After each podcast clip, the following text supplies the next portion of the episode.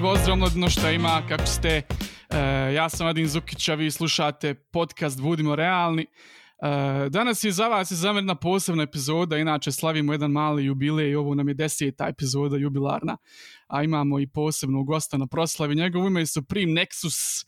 Nexus je dobrodošao, kako si mi Jarane moj? Hvala ti Adine, hvala na pozivu, evo čestitam ti jubilarnu desetu emisiju, boga mi ovako lep uspeh za početak. Pa da, da, da, kako da ni, moram ti priznat ono kad sam tek počeo sa ovim kontom sam do, poslije neke treće četiri epizode, ono, sta, staću, znaš, neću imati više elana za to, ali drži me još uvijek, ovako gosti poput tebe, znaš, ovaj, malo prije sam ti rekao, koristim priliku da pričam s ljudima koji su mi izuzetno, izuzetno zanimljivi, on nekako imaš real estate, znaš, kad, kad pristupaš ljudima uh, sa, sa podcastom u background, uvijek ti je lakše, ono, znaš, pridobiti njihovo, njihovu, njihovu pažnju.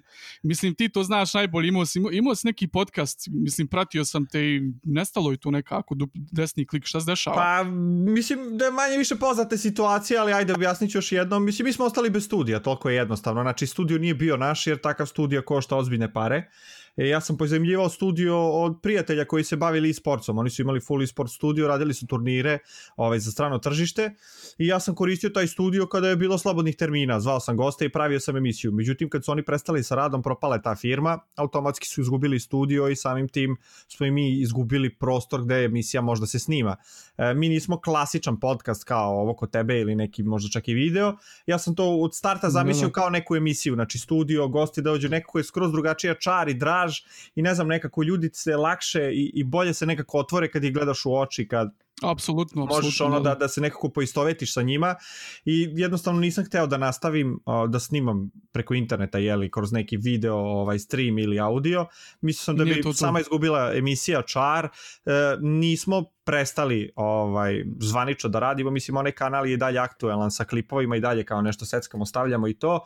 Ja čak imam neke planove možda da upotrebim taj kanal za neki drugi vid ovaj forme ali uglavnom emisija, ja se nadam da će se jednog dana nastaviti. Da li ću ja jednog dana skupiti dovoljno sredstava pa otvoriti svoj studio ili ćemo možda stupiti u kontakt sa nekim pa uh, jednostavno dobiti prostor da to snimamo, vidjet ćemo, je li vreme će pokazati, ali ja i dalje planiram da nastavim taj projekat i što se mene tiče, ovaj, jednog dana će sigurno i nastaviti. A je li to bio tvoj solo projekat ili ima više ljudi iza, iza pa, toga? Pa mislim, uh, cela ideja i realizacija je bila isključivo na meni, međutim ljudi koji su radili jeli, u tom studiju kao zaposleni su meni pomagali da to snimimo, mislim imali smo uvek ljude u režiji, uh, ali ceo planning emisije, znači koga ćemo zvati, šta će biti pitanja, kako će emisija teći, ja sam vodio i na kraju samo editovanje i je li ovaj postavljanje emisije na, na, na kanal kao i uređivanje samog kanala, sve sam radio isključivo sam. Čak i onu uvodnu špicu, znači to sam se jedno tri dana cimao da napravim, ali i to sam uspeo sam, ono 100% da napravim, tako da. Da, bilo mi je samo, bilo mi je samo malo žao, ovaj, s obzirom da si postavljao pitanja, nisi imao nikad nekako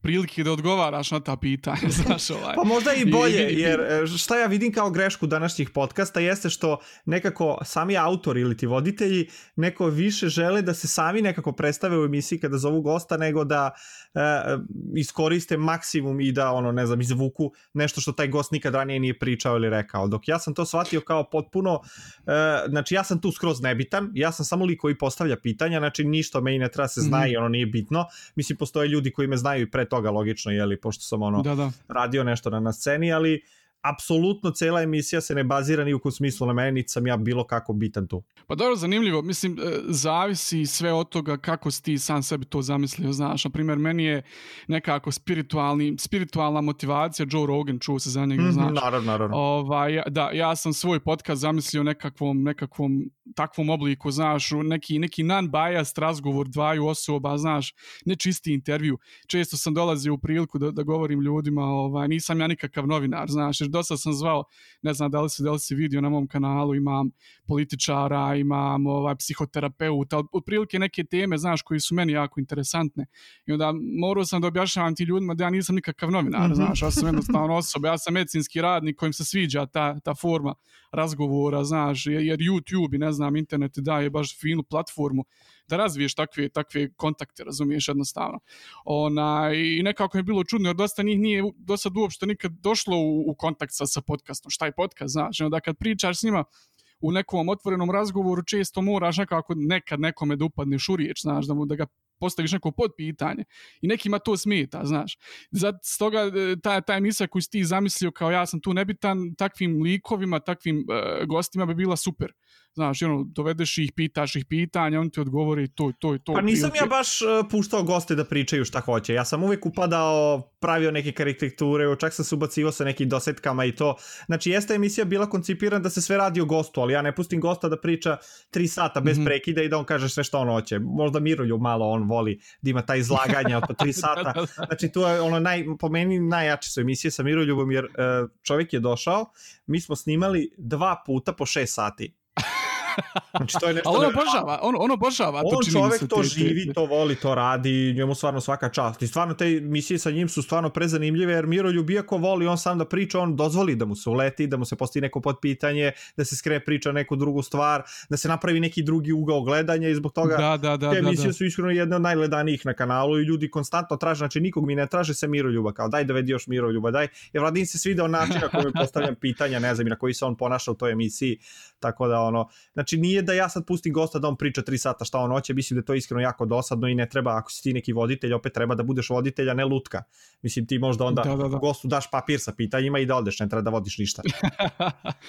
tačno, tačno, tačno. Onaj, ali, ali što se tiče Miroljuba, eh, on je, on je meni nekako zanimljiva, zanimljiva individua, znaš, s obzirom da nekako ide, ide protiv sistema, znaš, ali istovremeno nekako ima, ima prihvatljivo, prihvatljivo mišljenje za, za, za nekog prosječnog čovjeka, znaš. Kakav je ovako privatno, ne znam, kako, van kamera. Tako pa ja ne poznajem Miroljuba privatno, mislim i sve vreme što smo proveli zajedno, proveli smo uh, pre emisije desetak minuta, znači Miroljub je jako poslovan čovjek, znači on kada dođe, neće da sedne i da se odmori da popije nešto, on odmah ide seda, ajmo da snimamo. Znači to je bukvalno kako uđe u studio, tako sedne u stolicu, namesti se, proverimo zvuk, ton sve i odmah snimamo. Tako ja nisam imao prilike da provedem s Miroljubom neko privatno vreme, sad da se ne znam, sedemo na ka, u kafić ili negde, tako da stvarno ne znam kakav je privatno, ali mislim da on realno ne odstupa puno od onog što priča i nekako da, da, da. šta meni generalno smeta danas kod, kod, kod nas i kod naše generalne populacije, šta sam vidio da i mojim gostima zameraju, nekako svi ljudi u startu o, otpišu ili da kažem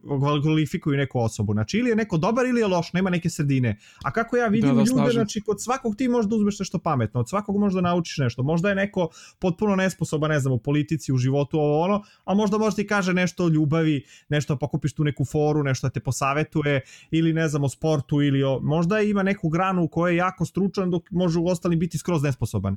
Opet ti mm -hmm. možeš čuti nešto pametno od njega. Tako da i od najvećih budala ti možda pokupiš neke pametne stvari, neke trikove, nešto, jer opet život je e, najbolja, e, što se kaže, štedica života, znači, ili možda to loše, ovaj, loše sam to preformulisao, ali ne znam, život je najbolja škola, možda bolje tako.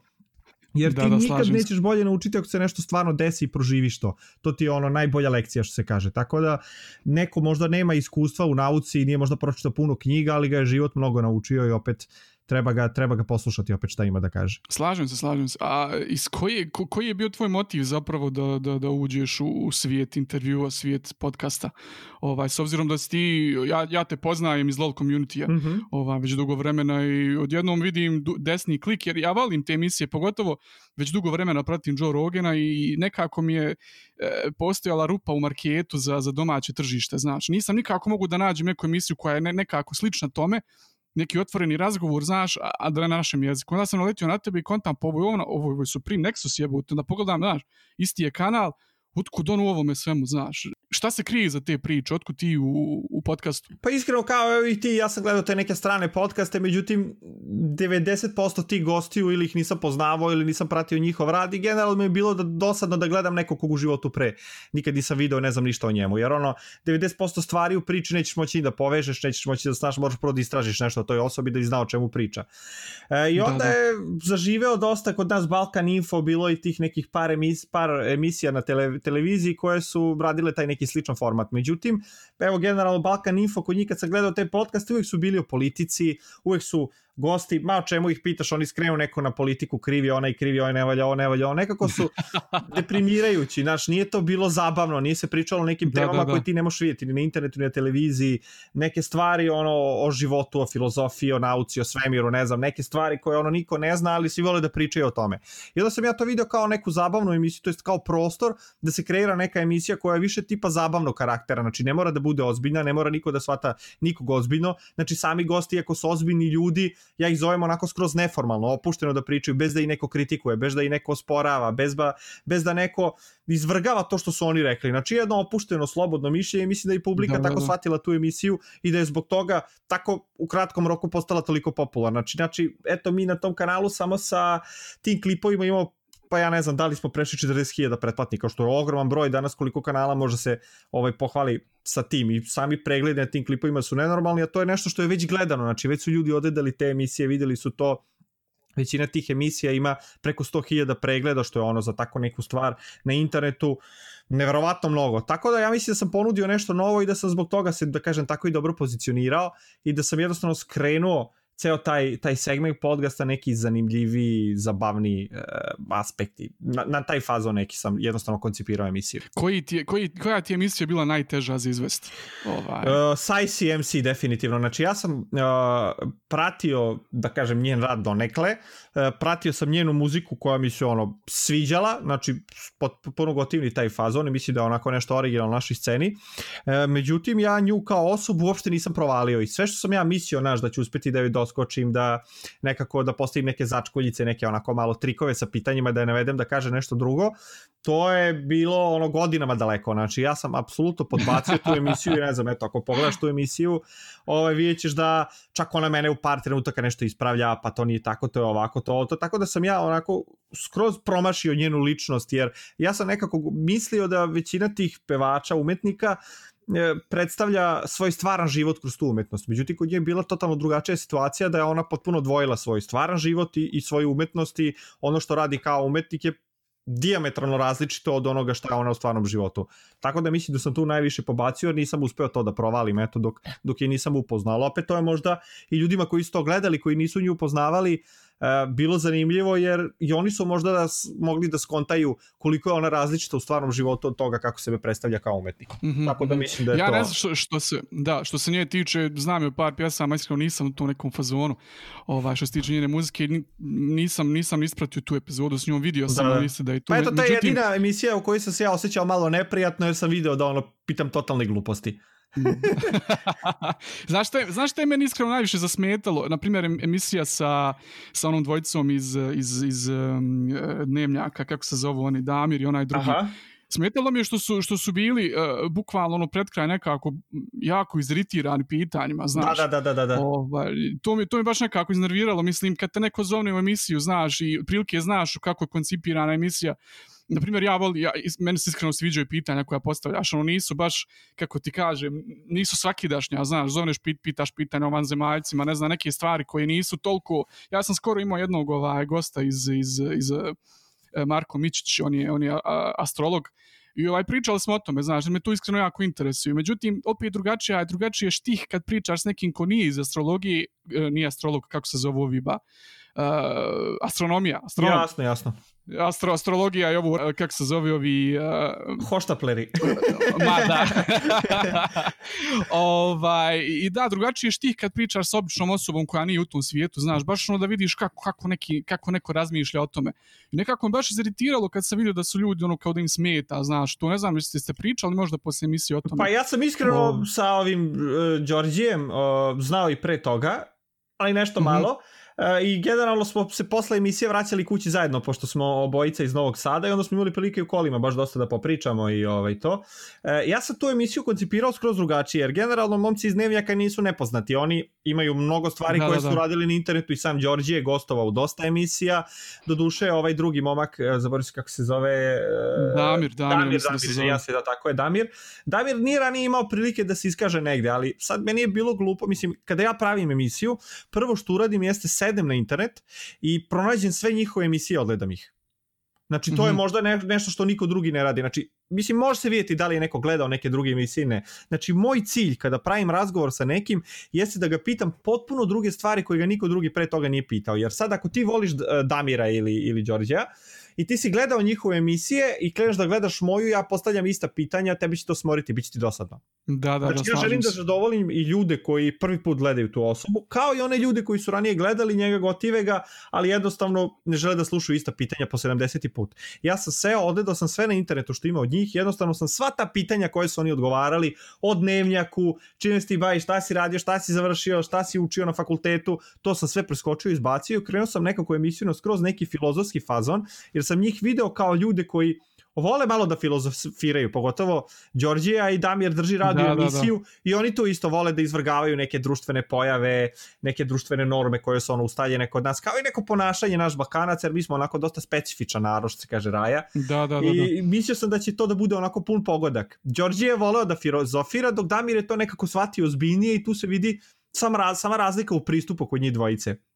Damir je tome pristupio dosta ozbiljnije, onako baš ozbiljno shvatio emisiju, jer mu je to bilo, da kažem, prvo to neko veće gostovanje, dok Đorđe koji je ranije već gostovao u nekim emisijama je to shvatio ono skroz opušteno i krenuo je baš na to da se zeza, stalno si imao, imao neke gegove i slično, ali ovaj, mislim da smo baš što se kaže, početak emisije kad smo pričali o tim nekim životnim stvarima, onaj deo kada pričamo o Lidlu Bilo i kako cool. se ljudi kolju za Bilo je cool, da to je bilo baš premija do kasnije kad su bila ta neka striktno filozofska pitanja kojima, mislim, to su teška pitanja generalno, jel ti o tome ne razmišljaš kod kuće, nisi o tome nikad ranije pričao i sada ti izvučeš neku veliku filozofsku misao ili ti sad iz nekog filozofskog pitanja da izvučeš tušinu, to je jako teško i treba ti veliki trening, veliki, velika obrazovanost da bi ti znao to lepo i da preformuliš ono što želiš da kažeš. Tako da mislim da su se oni u početku jako dobro snašli, posle kod nekih stvari nisu, ali tome i čar emisije, mislim da sam ih publici predstavio skroz jedan drugačiji način i da je to ljudima eto koji su ih ranije gledali jako zanimljivo i ljudima koji ih gledaju prvi put ponovo zanimljivo jer nikad tako neku emisiju koja je tako koncipirana nisu videli. Da, da, da. Znači možemo očekivati nekad u,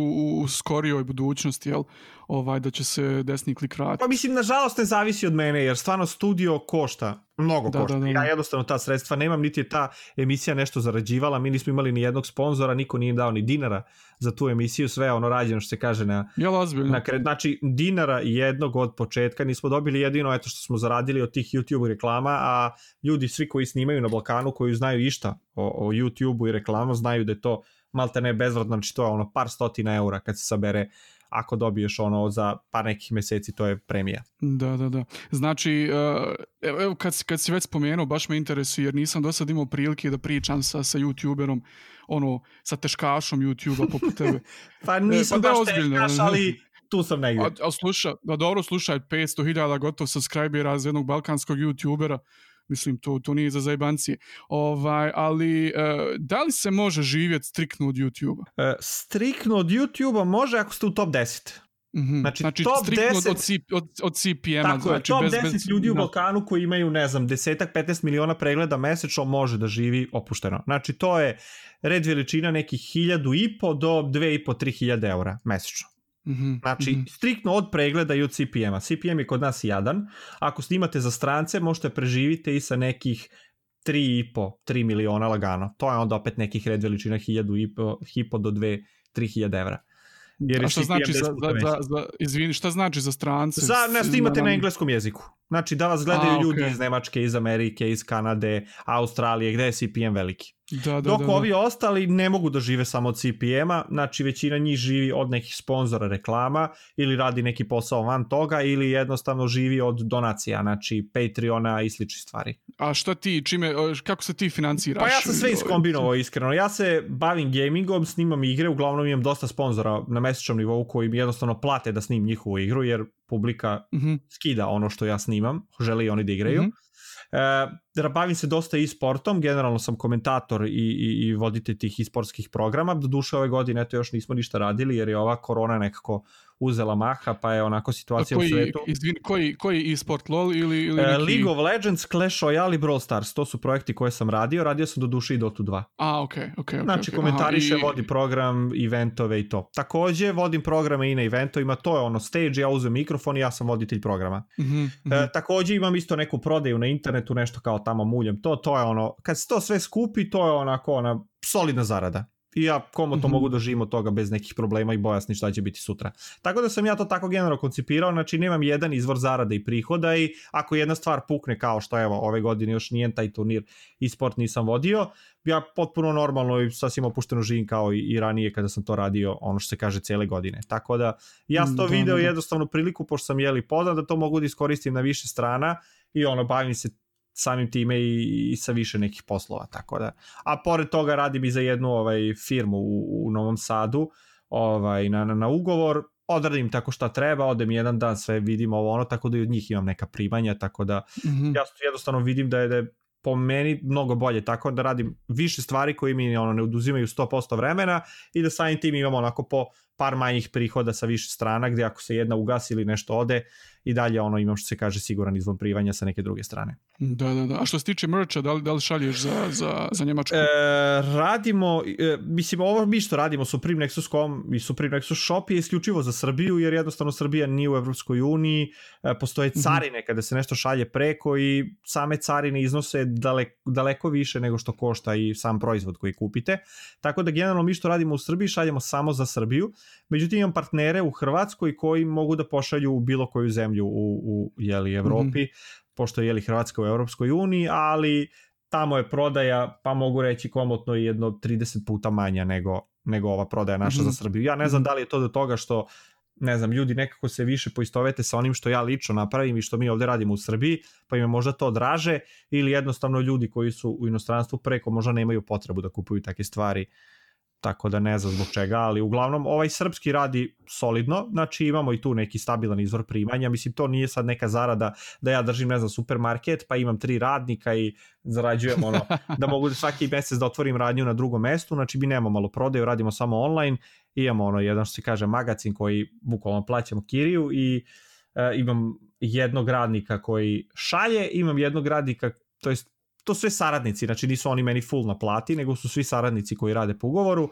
Ovaj mm -hmm. dečko radi na sajtu, na održavanju i to i imam uh, dizajnerku koja nam je li zajedno sa mnom radi na svim tim dizajnovima i kada smislimo neki proizvod kako će onda izgleda od ambalaže do finalnog proizvoda. Aha, ovaj kad e, morat ću malo da pogledam da li mogu dobiti u tvoju termosku. Mislim da imaš najseksi termosku od svog merča kogod prodaje. Ne, nikakvih problema, samo ako eto budeš dolazi u Srbiju, pošto kažem ti da slanje za Bosnu ide jako komplikovano jer mora da se popunjava carinska deklaracija i mora da se plati nekih 10 eura da bi stvar prešla, prešla granicu da se to mhm, carini. Mm -hmm.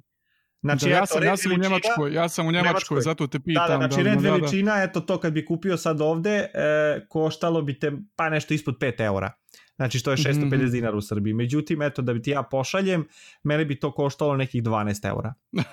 znači, da, e, znači to džaba, je to. Džaba, da, da. da, da, da, da, da. Ali, ali interesuje me na nekom principu radi taj merch, pošto sam ja vidio da dosta, dosta YouTubera zapravo ima neki kao, kao um, online firme koji se bave samo tim i radi sa, sa raznim content kreatorima ovaj, kako je to, pošto ti, tim, ti si mi sad rekao da je kod tebe bukvalno ti to sve sam radiš sa svojim timom. Mislim, znači... meni su isto mnogi ljudi nudili da radim to kao partnerstvo, znači oni posjeduju možda neku da, štampariju da, da. ili tako nešto i mogu da štampaju majice, oni mi naprave neki dizajn, ja pristam da li je to toke ili nije i oni to cepaju, štampaju, uzimaju procenat, ja zarađujem procenat i kao ja nim ništa s tim, samo reklamiram i sve super. Međutim, da, da, da, da. ne znam, ja to neko shvatam dosta ličnije i ozbiljnije i pogotovo što sam i sam grafički inženjer, nekako osetio sam obavezu da sve što radim napravim sam jer će to i ljudima tada više značiti. Znači, ako ja napravim nešto što će meni biti dobro i odgovarati mi, onda sam 100% siguran da će to svijeti ljudima sa kojim radim. A ako to neko napravi tamo u nekoj štampari, otalja nešto ono samo da bi zaradio,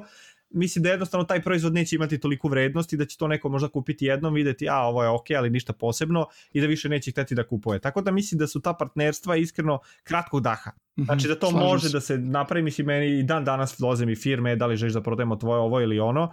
Eto, možda je zato i ta moja prodaja za inostranstvo, za Hrvatsku, Bosnu i zemlje Europske unije toliko mala, jer jednostavno ja to ne radim i jednostavno se ne pristupa ti, tim proizvodima sa istom količinom ljubavi kao što to ja radim, pa je možda zato prodaje daleko manja. Da, da, slažem se, jer ako već kupuje majicu sa tvojim likom, sa tvojim logom, sa, sa imenom tvojeg kanala, onda želim da taj, jel, nekako, da, da ta majica koju ja kupim bude prisna imen i tebi, razumiješ? Želim da, da bude kao neki, ne znam, neka korelacija, jer realno gledao sam, sa ne znam ka, tačno kakve su kod tebe cijene, te, te majice su ono, znaš, malo su skuplji od običnih majici, zato kažem. Pa evo, kod nas je majica 8 eura. Da, da, da, pa dobro, tu, tu nikakva cijena, onda to je baš... To je baš Mislim, malo. iskreno, ja to nisam napravio donekle da zaradim. Definitivno ti, da mi tu imamo profita i jednostavno svaki posao mora da ima profit da bi opstao. Znači, kao što kažeš, znači, ja nisam samo tu uključen da ja sad to mogu da ovako lupim rukama i stvori se majica i ja da je dam nekom besplatno. Ja bih stalno ovo radio, znači, samo delio majice, ali jednostavno, znači, to mora da se plati. Mi uzvozimo uh, specijalne majice, znači, brendirane, koje su iz pravljenja u Hondurasu. Znači to je specijalan mm -hmm. 100% pamuk. I to košta, znači to nije ni malo jeftino. Mi plaćamo da, firmi da, da. koja to uvozi u Srbiji dosta veliku cenu za te majice mi radimo sito štampu. E, to nije ona klasična digitalna štampa gde ti ubaciš majicu u mašinu i izađe ti gotova majica.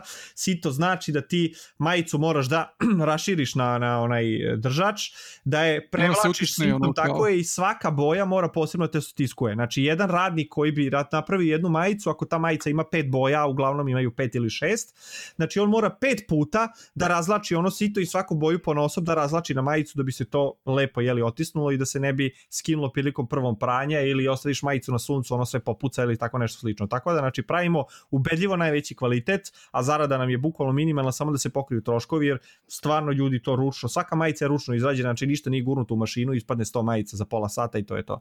Tako da, znači, on, meni nije tu primarni cilj zarada od toga, jer meni to ne treba. Ja sad sutra kad bi ugasio taj shop, ja bi živao potpuno isto. Znači, ništa, ništa ne bi ono uskudevao u nečemu a ovaj, ponovo mora tu da postoji neka zarada kako bi jednostavno ljudi koji ulažu svoje vreme, trud i rad bili jeli nagrađeni za to, tako da, znači kažem, trenutno radi troje ljudi na ugovor sa mnom i plus jeli mm -hmm. štamparija sa kojoj sarađujem, koja jednostavno ima mašine i alate koji mogu to da, da, da napravi. Ja ne mogu sa tu majicu da napravim kući, znači on neko mora da je stavi na to sito, da kupi te boje, da utisne te otiske na to i to je dosta komplikovano i onako specifičan dosta posao. Cimanja, tako da. je, da, i to moraju da rade profesionalci, to ne može da radi neko u svojoj dnevnoj sobi. Mislim, ako se školovo za to, ima tu mašinu, može, ali opet ja ipak volim da to ljudi rade koji se bave time, tako da. Da, da, da, da, mislim to kad, kad mi tako sve na nacrtaš i konture izvučeš, što zvuči fakat jako ozbiljno. Ona, pa veruj mi, znači ovo je nešto što nastaje neke tri godine. Znači ja sam krenuo sa majicama pre nekih pet godina gde sam bukvalno ono, devojka mi je napravila dizajn, dizajnerka i mi smo to ovaj i štampali i imali smo tipa nekih 300 majica koje sam prodavao. I to sam uradio mm -hmm. jedno, pa drugi, pa treći put i video sam da je to nešto što definitivno pije vodu i što može u u budućnosti uh, da bude, da kažem, neka grana moje promocije. Mislim, uh, zamisli ti dete koje obuče moju majicu i istrča se igra sa drugarima.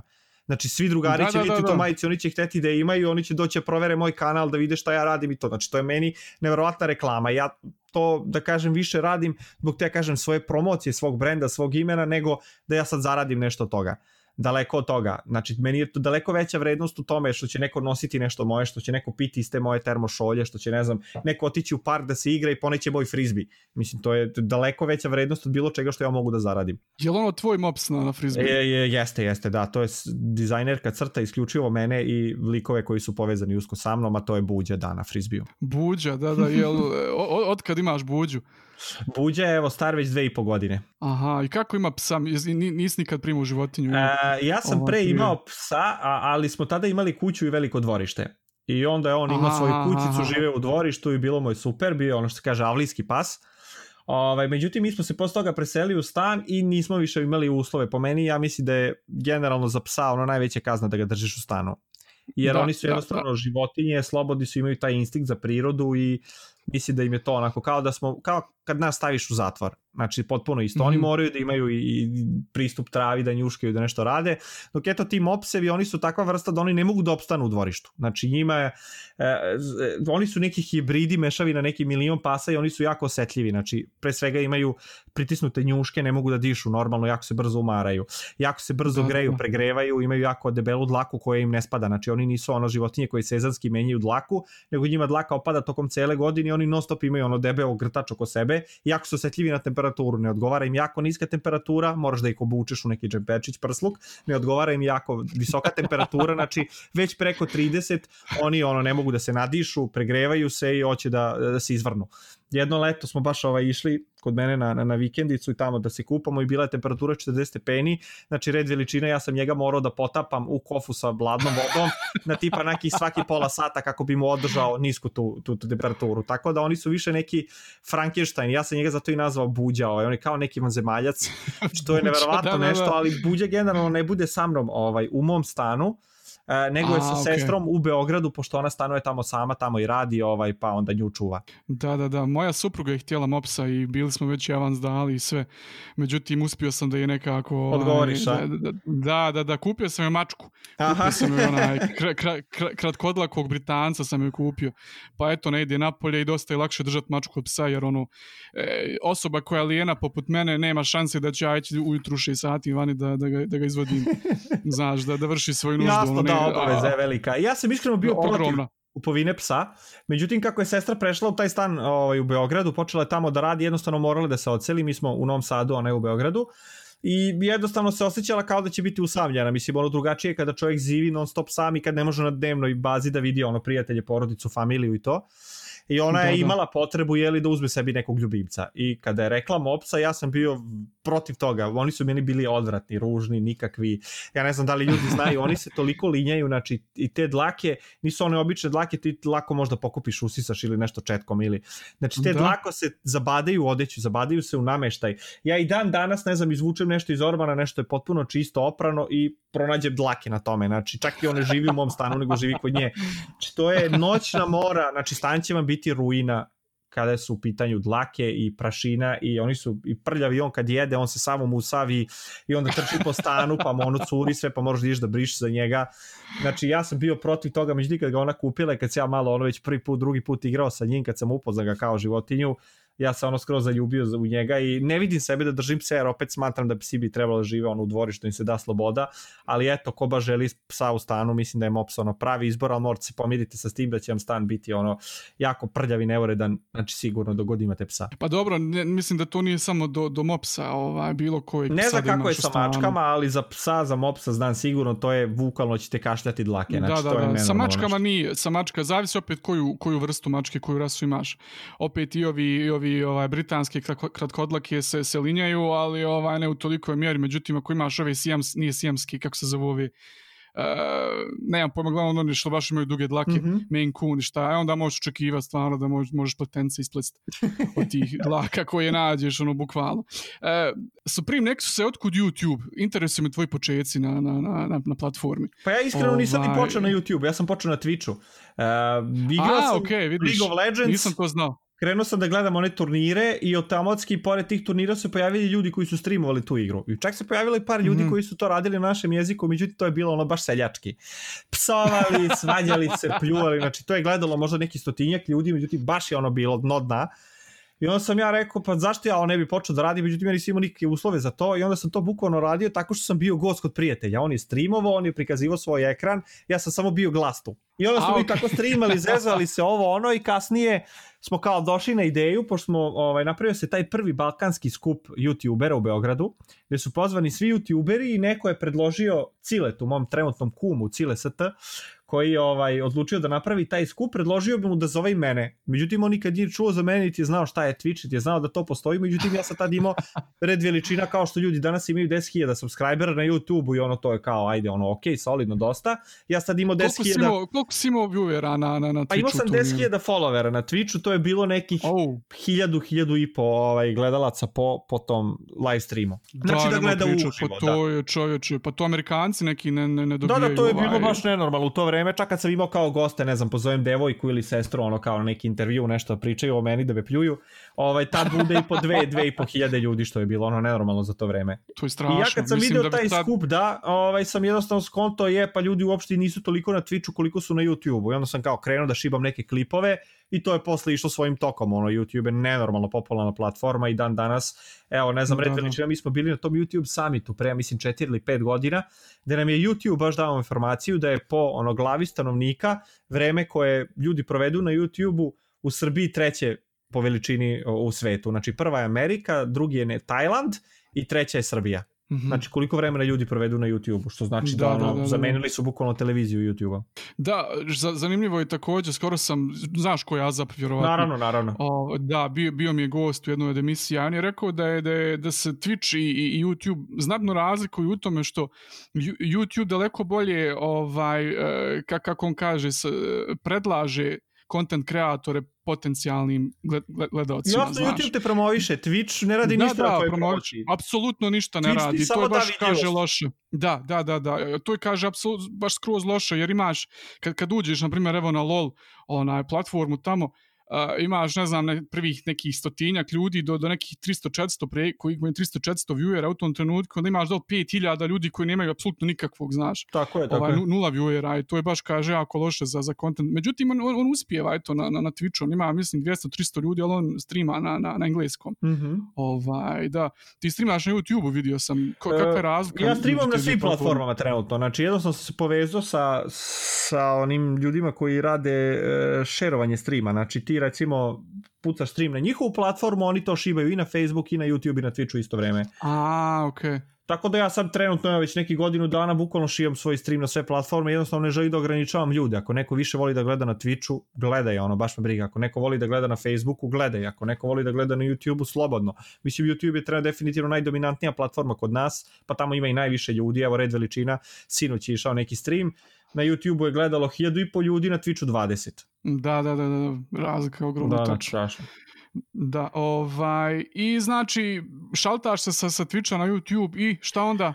Pa kažem ti, Twitch nema nikakve ovaj, modele promocije. Twitch samo ti daje vidljivost i bukvalno oni koji su popularni na Twitchu će ostati popularni, oni koji nisu popularni imaju bukvalno minimalne neke jako male šanse da postanu popularni. I ja sam kačio te klipove, te klipove viđalo sve više ljudi i samim tim ljudi me vide na YouTube-u i dođu da gledaju moj Twitch. Vide moj klip na YouTube-u, dođu da gledaju moj Twitch.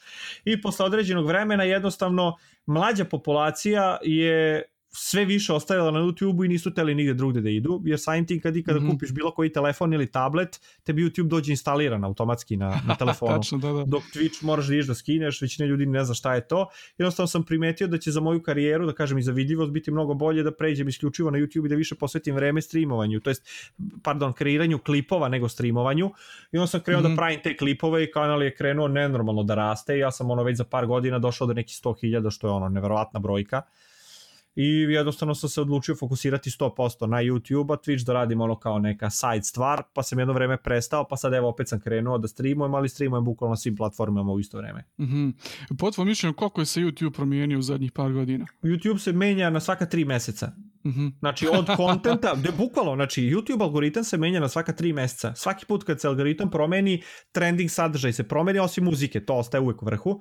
Znači sve se promeni osim, osim muzike, e, i možda tih nekih emisija koji imaju ono neku stalnu gledanost. Ovo ostalo, sve se menja na tri meseca i tip klipova i vrsta klipova i youtuberi, ko je bio u vrhu pre tri godine, sad sigurno nije u vrhu, ko je bio najpopularniji prošle godine, sad nije najpopularniji, možda sad je neko drugi. Znači face se ljudi stalno menjaju kako se menja algoritam, neki sadržaj se gura više, neki manje. Evo recimo dotakli smo se streama red veličina prošle godine kada je izašao zvanično stream ili pre dve godine, ne se tačno kad, kad je izašlo stream na YouTube, oni su to toliko nenormalno gurali i promovisali. Ti si imao na početnoj strani YouTube-a bukvalno live stream section gde su oni promovisali sve ljude koji u tom trenutku streamaju. Da li oni imaju 20 viewera ili 1000, nebitno je.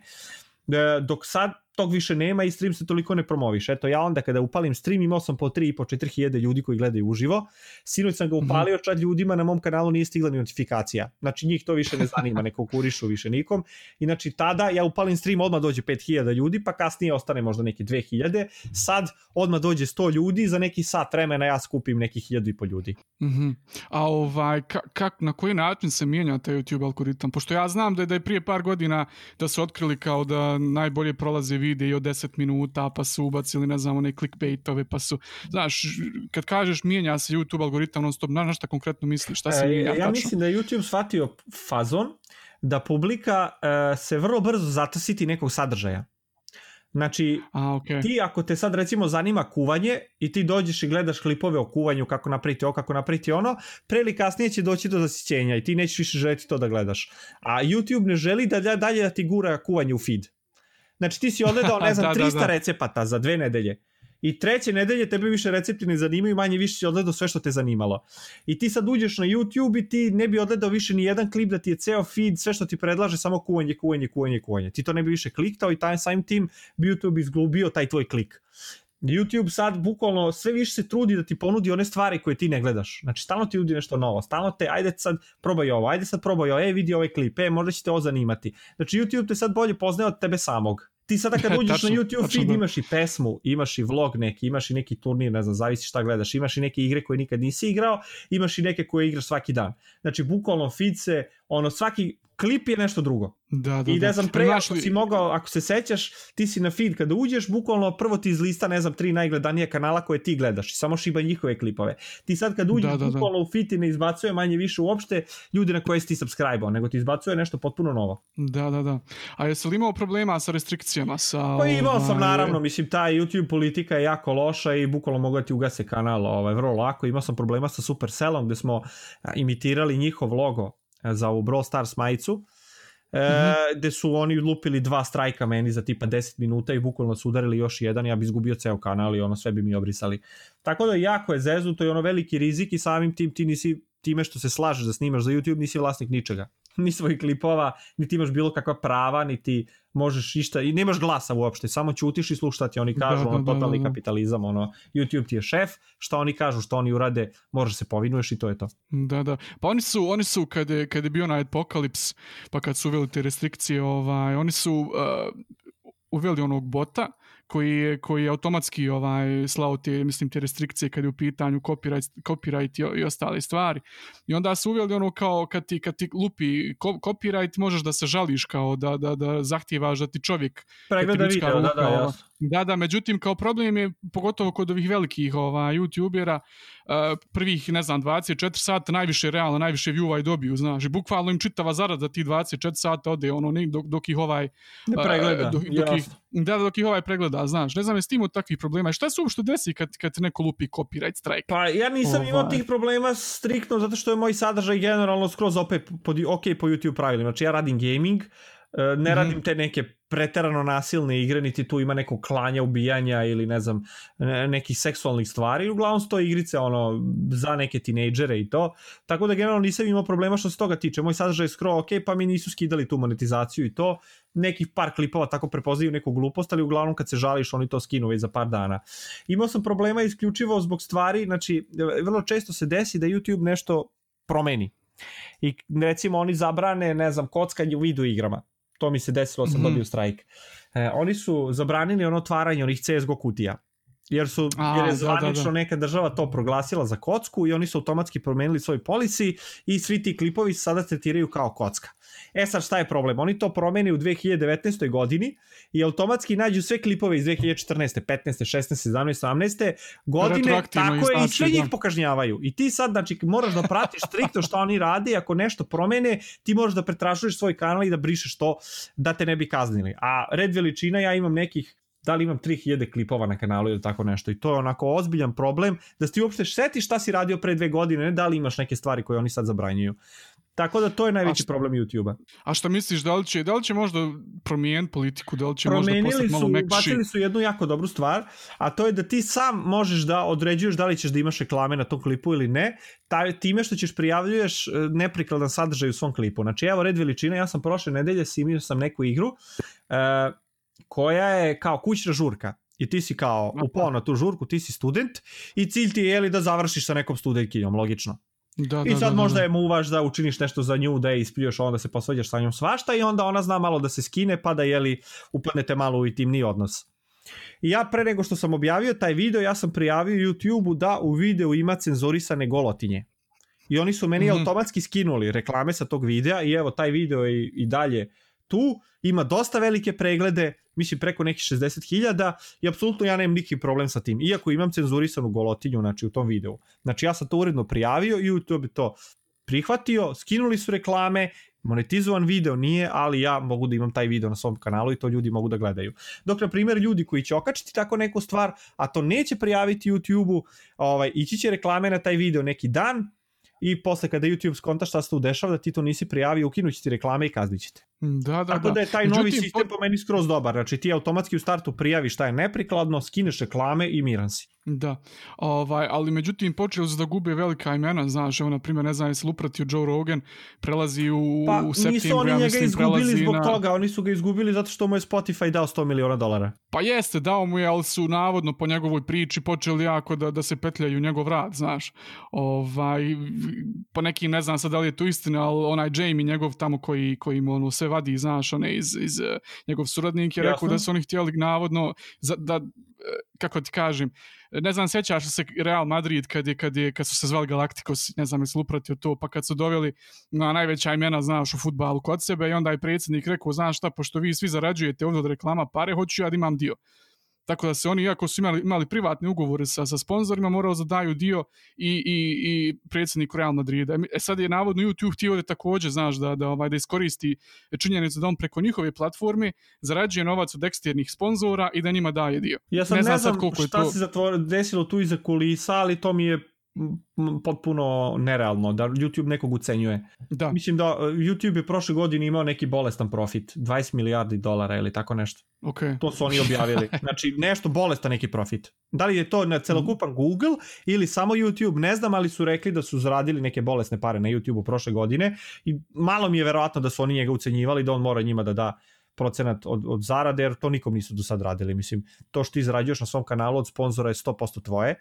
YouTube da, ima da, svoju da, platformu od koje uzima deo, znači onaj Famebit, znači oni tu ako mm -hmm. ti staviš, to jest sklopiš neko sponzorstvo preko njih, onda ti oni uzmu 20%, što je po meni opet skroz ok. Ali da sam čuo da YouTube nekog ucenjuje, mislim, možda je to moguće u Americi, ali kod nas definitivno tako nešto se nikad nije dogodilo. Da, da, da. Ali opet, eto vidiš, izgubili su ovaj, kako se zove, jedno veliko ime, jer ipak što se tiče podcastinga, on je ono, najveći od najvećih, razumiješ? I sad ovaj, e, čuo sam kao navodno da, da ukoliko žele da, da da im podcasteri ili ne znam ovaj određeni određeni uh, uh, YouTube kanali koji, koji potencijalno mogu da, da, da izrastu kao počeće da nude, znaš, ugovore ovaj, da ih vežu za svoju platformu. Pa mislim da oni to jako prate i da gledaju ko je popularni zašto. Znam da su PewDiePie jedno vreme nešto zezali zato što je, ne znam, e, imao neke rasističke ispade pa su mu ugasili kanal jedno pa vreme. Pa Apokalipsa, ono... mislim da je nasto radi njega. Ovaj, Jasno, ne... mislim da oni jako vode računa o tome ko su ti top kreatori, koga ljudi najviše gledaju i šta oni generalno pričaju emisijama. U timu emisijama oni su sve i svašta pričali.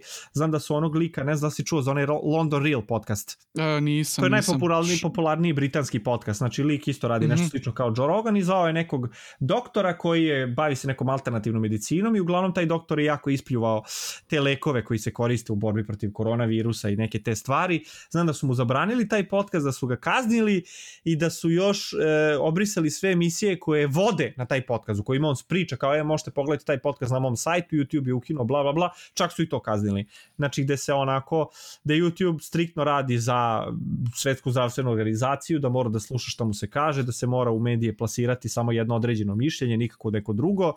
Tako da to je potpuno realno, YouTube ima cenzuru sadržaja i YouTube uh, ima vlasnika kog definitivno neko ucenjuje ili sa nekim sarađuje ili ima neke koristi mm. od nekog, tako da to je privatna platforma, znači YouTube nije državna svojina gde svako ima prava da radi šta hoće, nego je potpuno privatna firma gde ti moraš da se povinuješ onome što vla, kaže vlasnik to ti je neminovno, znači ti mm. ne možeš da odiš u tuđu firmu i kažeš, e, ja ću sad daš pola ovog da rasprodam, otpustit ću 300 radnika, radit će 100 ljudi, ne, ti, ti se ne pitaš tu ništa, znači možeš da radiš ono što ti šef kaže, ako šef sa druge strane kaže da ti treba da otpustiš, ne znam, 300 radnika kao, ne znam, tu neki generalni direktor ili tako nešto, ti to moraš da uradiš jer, jeli, to je sve u njegovom vlastištvu. Da, da, da. Sad kad je spomenuo koronavirus, tvoje mišljenje o tome? Pa mislim, nema šta da mislim. Evo, trenutno zaraza hara Srbijom. Gomila ljudi koje poznajem su zaraženi, jako mi je žao zbog toga. Ni malo nije naivno, ni malo nije ovaj e, e, bezazleno jako ozbiljne stvari se dešavaju, bojim se. Ja, e, bojao sam se, bojao sam se da ćeš mi da ćeš mi doći reći ovaj ja mislim da virus ne postoji. Pa to 90% ono, ljudi čak ima to mišljenje baš pod e, uticajem YouTube klipova. Laknulo mi je. Laknulo mi je, laknulo Ma, mi je kad sam vidio da se normalno. Mislim, moj kum, moj kum se razboleo, bio je u Britaniji kada se vratio, imao je upalu pluća, dve nedelje jedva je došao sebi, znači jedva se oporavio, znači to uopšte nije, nije naivno. E, I pogotovo što mislim da nam je medicinski sistem trenutno svima u svim ovim državama na Balkanu ono, pred kolapsom, jer gomila ljudi se sad zaražava i mislim da je i plan država ovde bio da jednostavno ne mogu oni to da iskontrolišu, ne mogu da drže te karantine i to godinu dana dok ono virus potpuno nestane i da je njihova ideja i plan bio da jednostavno puste sve da se zaraze i da jednostavno steknemo taj imunitet. Tako da ne znam, samo želim da poručim ljudima da se paze, da se čuvaju, da vode računa o sebi, pogotovo starijima u kući, mislim ajde nama omladini ne bi trebalo ništa da bude generalno, ali ovim starijim ljudima koji pogotovo imaju neke hronične bolesti ili nešto slično, mislim ja bi iskreno baš bi se zabrinuo da ono neko prenese taj virus na mog oca ili na majku ili na babu, dedu, znači to je baš, baš, baš zeznuto. Nemam ja tu šta da pričam sad nešto sa medicinske strane, sad ja niti sam lekar, niti se razumem nešto u to.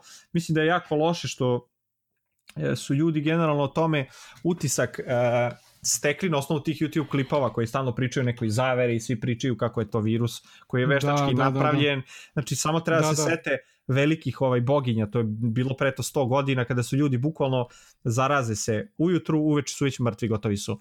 I pogotovo sam gledao da. ispovest ovaj, skoro na YouTube-u, znači jedna, jedan čovek je radio intervju sa čovjekom koji je rođen tada ovaj, e, tih deseti godina prošlog veka i bukvalno je bio uh, pomoćnik jednom doktoru koji je lečio ljude od, od, od, od te groznice i bukvalno je svedočio situaciji e, kada je on jedno jutro doručkovao kod tog doktora sa njegovom porodicom, znači svi su sedeli za stolom i dolazi im devojčica tipa nekih deseta godina, kuca na vrata kod doktora, doktor otvara vrata, doktore, doktore, molim te, uh, majka mi je bolesna, ima groznicu ima temperaturu, nije dobro, možeš i doći da joj pomogneš. On je rekao, idi kući, dolazim za pola sata i doktor je tu njima za stolom rekao da će večeras, kada padne mrak, svi u toj kući biti mrtvi, što se i dogodilo. Znači, to je takav bolest bila. Znači to kad dobiješ gotovo da, si, da, nemate, da. nema izlaza. I sad zašto ne poverovati da može se napravi neki virus koji ono treste temperatura, dobiješ upalu pluća na dve nedelje. Mislim, mi prirodu ne poznajemo, ne poznajemo viruse, oni su bili tu daleko pre nas. Naš organizam je jeli, stekao imunitet na sve to ono godinama kada su ljudi umirali od toga. Jednostavno su preživele da, da. one jedinke koje su mogle da prežive virus i bolesti, to oni koji nisu su umrli, jednostavno se nisu ni razmnožavali i to je jako ozbiljna stvar koju se moramo posvetiti onako ozbiljno i za te vakcine isto ne bi mnogo da se dotičem toga, ljudi sad ono masovno protiv vakcinacije, niko ne želi da se vakciniše, međutim mislim da i tu napravljena jedna jako velika greška, znači vakcine su definitivno ono istorijski napredak ono u medicini, civilizacijska prekretnica kada ono jednostavno deca ljudi ne umiru od tih nekih bezazanih bolesti koji ono mogu da ti naprave ozbiljen haos u organizmu, međutim problem je to ovde generalno u Srbiji jeste što više ni jedna vakcina se ne pravi kod nas Znači, mm -hmm. mi smo ukinuli te firme gde se prave vakcine, ljudi koji prave vakcine više ne vakcinišu tim vakcinama svoju decu, mi kupujemo vakcine iz inostranstva i automatski broj vakcina koje se koristi za sve bolesti je povećan 20 puta. Ti si nekad primao 10 vakcina, do ne znam 20. godine sad primaš 60. Da li je to normalno? Da, da, da, za, za, svaku, za svaku potencijalnu bolest. I pogotovo što se nigde da. ne proverava kvalitet tih vakcina, postoje neke nuspojave kojima se ne priča i samim tim je jeli vakcina stavljena na loš glas koja ono definitivno lek i spas za neke stvari, a eto mi danas pošto em nemamo proizvodnju, em nemamo kontrolu, stradamo eto zbog onog što se kaže kapitalizma i, i, i što se kaže da. kako to zovu, to zovu e, e, e, farmakomafija e, volio bih da neko izađe u javnost da ispriča upravo to što si ti sad rekao. Pa i izašli da su, mislim, napravi... govorili su ljudi, to je opšte poznato, samo što običan čovjek koji sedi kući i gleda TV, ono, 8 sati dnevno nikad to neće čuti ali ono, mislim, pa, svako ko je i malo školovan i malo razmišlja svojom glavom, vrlo lako može doći u zaključka, tako da. Pa da, ali da neko napravi transkript toga što si ti sad rekao i da baci na neku nacionalnu televiziju gdje će, gdje će do, dospjeti do, do, do šire mase ovaj, da se kaže jeste i, ne, ne, i vakcine su na lošem glasu radi toga i toga, ali ne zato što će nas neko čipovat, već zato što su, razumije, zato što su već u masovnoj proizvodnji jer su, jer, jer donose veliku zaradu u svijetu kapitalizma. Razumiješ? Jer ja sam evo na primjer sad e, na, na Facebooku skoro sam sam, sam diskutovao juče i baš bila izašla vijest kako je Gates ovaj e, rekao da da će najveći problem biti kad dođe vakcina da se da se ljudi uvjere da da im je potrebna vakcinacija, znaš. E, evo, I onda je, možeš misliti možeš misliti kakav je shitfest bio dole u komentarima, Jedna znači ja nisam da situacija da ovaj E, koja mi se desila. Imao sam skoro, pre možda neki pola godine, neku upalu uva. Znači ja ne znam šta se tu desilo, imao sam neku prehladu i to mi je prešlo sa, sa nosa, sa sinusa na uvo. Znači to je neverovatan bol, to je neizdrživo. Znači ja sam otišao kod da, lekara da, da. i da on mi je dao neki lek koji je trebalo da pijem čisto da mi ovaj smanji bolove. E, međutim, lekar kada mi je napisao recept za taj lek, on nije napisao kupi lek koji se tako zove, nego mi je napisao striktno firmu koja pravi taj lek i kako se taj lek zove. Da. Znači, ti kad odeš da kupiš, da, da, ne znam, da. neki analgetik, ti možda biraš, hoćeš jeftiniji, hoćeš skuplji, ima proizvođač ovaj, proizvođač ovaj, ne. Ja sam dobio recept striktno za tu firmu i za taj lek, što znači da lekari e, striktno rade sa firmama, tako je, koji prave te lekove i oni više ne izdaju recept za lek, nego izdaju recept za e, firmu koja taj lek izdaje što je onako meni baš probudilo nekako stanje u kakvom stanje ona medicina nalazi sve to, znači ti više ne ideš da, da kupiš da, da. nešto ti pomogne i ćeš da kupiš nešto čega će doktor imati korist ili ima mesečnu kvotu koliko lekova nekih treba da prepiše, pogotovo što sad kartoni elektronski, te firme imaju uvid u njihove kartone i oni vide šta je taj doktor prepisivao i da li će mu nastaviti da mu pomažu ili da, da. neće, da li će pa ga do, voditi na semina neki. Da, do prije 20-30 godina to je bilo tabu, znaš, doktori su to radili, pogotovo doktori koji imaju privatne prakse, ali nije se znalo za to, međutim sad to ono, to je sve opšte poznato, da svi, ugo, da svi doktori ova imaju, imaju ugovore sa tim farma firmama i ono da, znaš, imaju verovatno neki, neki dio od toga, nemam pojma. Ovaj, Jasno, pa mislim, šta... ja poznajem lekare koje svake godine vode nedelju dana, deset dana neka savetovanja na neke lepe planine na more i to, pa im drže tamo neka predavanja o proizvodima da, da, da, da. što da ne, svaki doktor Baš želi da ode 10 dana na odmor, brate, a njemu je potpuno Baš sve jedno da će dati ovaj ili onaj lek, boli ga uvo. Mislim, daleko od toga da je taj mene doktor nešto prevario, mislim taj lek je meni pomogao, ja sam kupio taj lek koji mi on rekao, on imao korist možda ili nije imao te firme, ne znam zašto je baš izabrao tu firmu, ja sam taj lek koristio, mislim pomogao mi je neverovatno, neću sad da ga spominjem, ali lek je 100% proveren i radi svoj posao, ne kažem da je nešto loše on uradio, ali jednostavno ja želim da kada odim da kupim taj lek, ja želim da imam taj izbor. Da li ću ja kupim da, da, da. ovu ili onu firmu, da li ću kupim domaćeg proizvođača ili stranog, da li želim lek iz Kine ili iz Srbije ili iz Bosne ili iz potpuno nebitno. Znači ja želim da se pitam e, koji lek ću da kupim, a ne da mi doktor to određuje da ja moram sad da koristim tamo neki lek iz e, Južne Amerike ili znači jednostavno želim da se da je taj izbor na meni jer to ću ja da, da, da. progutati, to ću ja staviti u svoj organizam, slažem doktor se. neće. slažem se, slažem se. Supreme Nexus je strašno dobar sagovornik, ja, se ne, ja sam ti neizmjerno zahvalan stvarno što se zdvojio ovaj sat vremena. Stvarno je bilo stvarno super ugodno s tobom pričati o ovim raznim temama.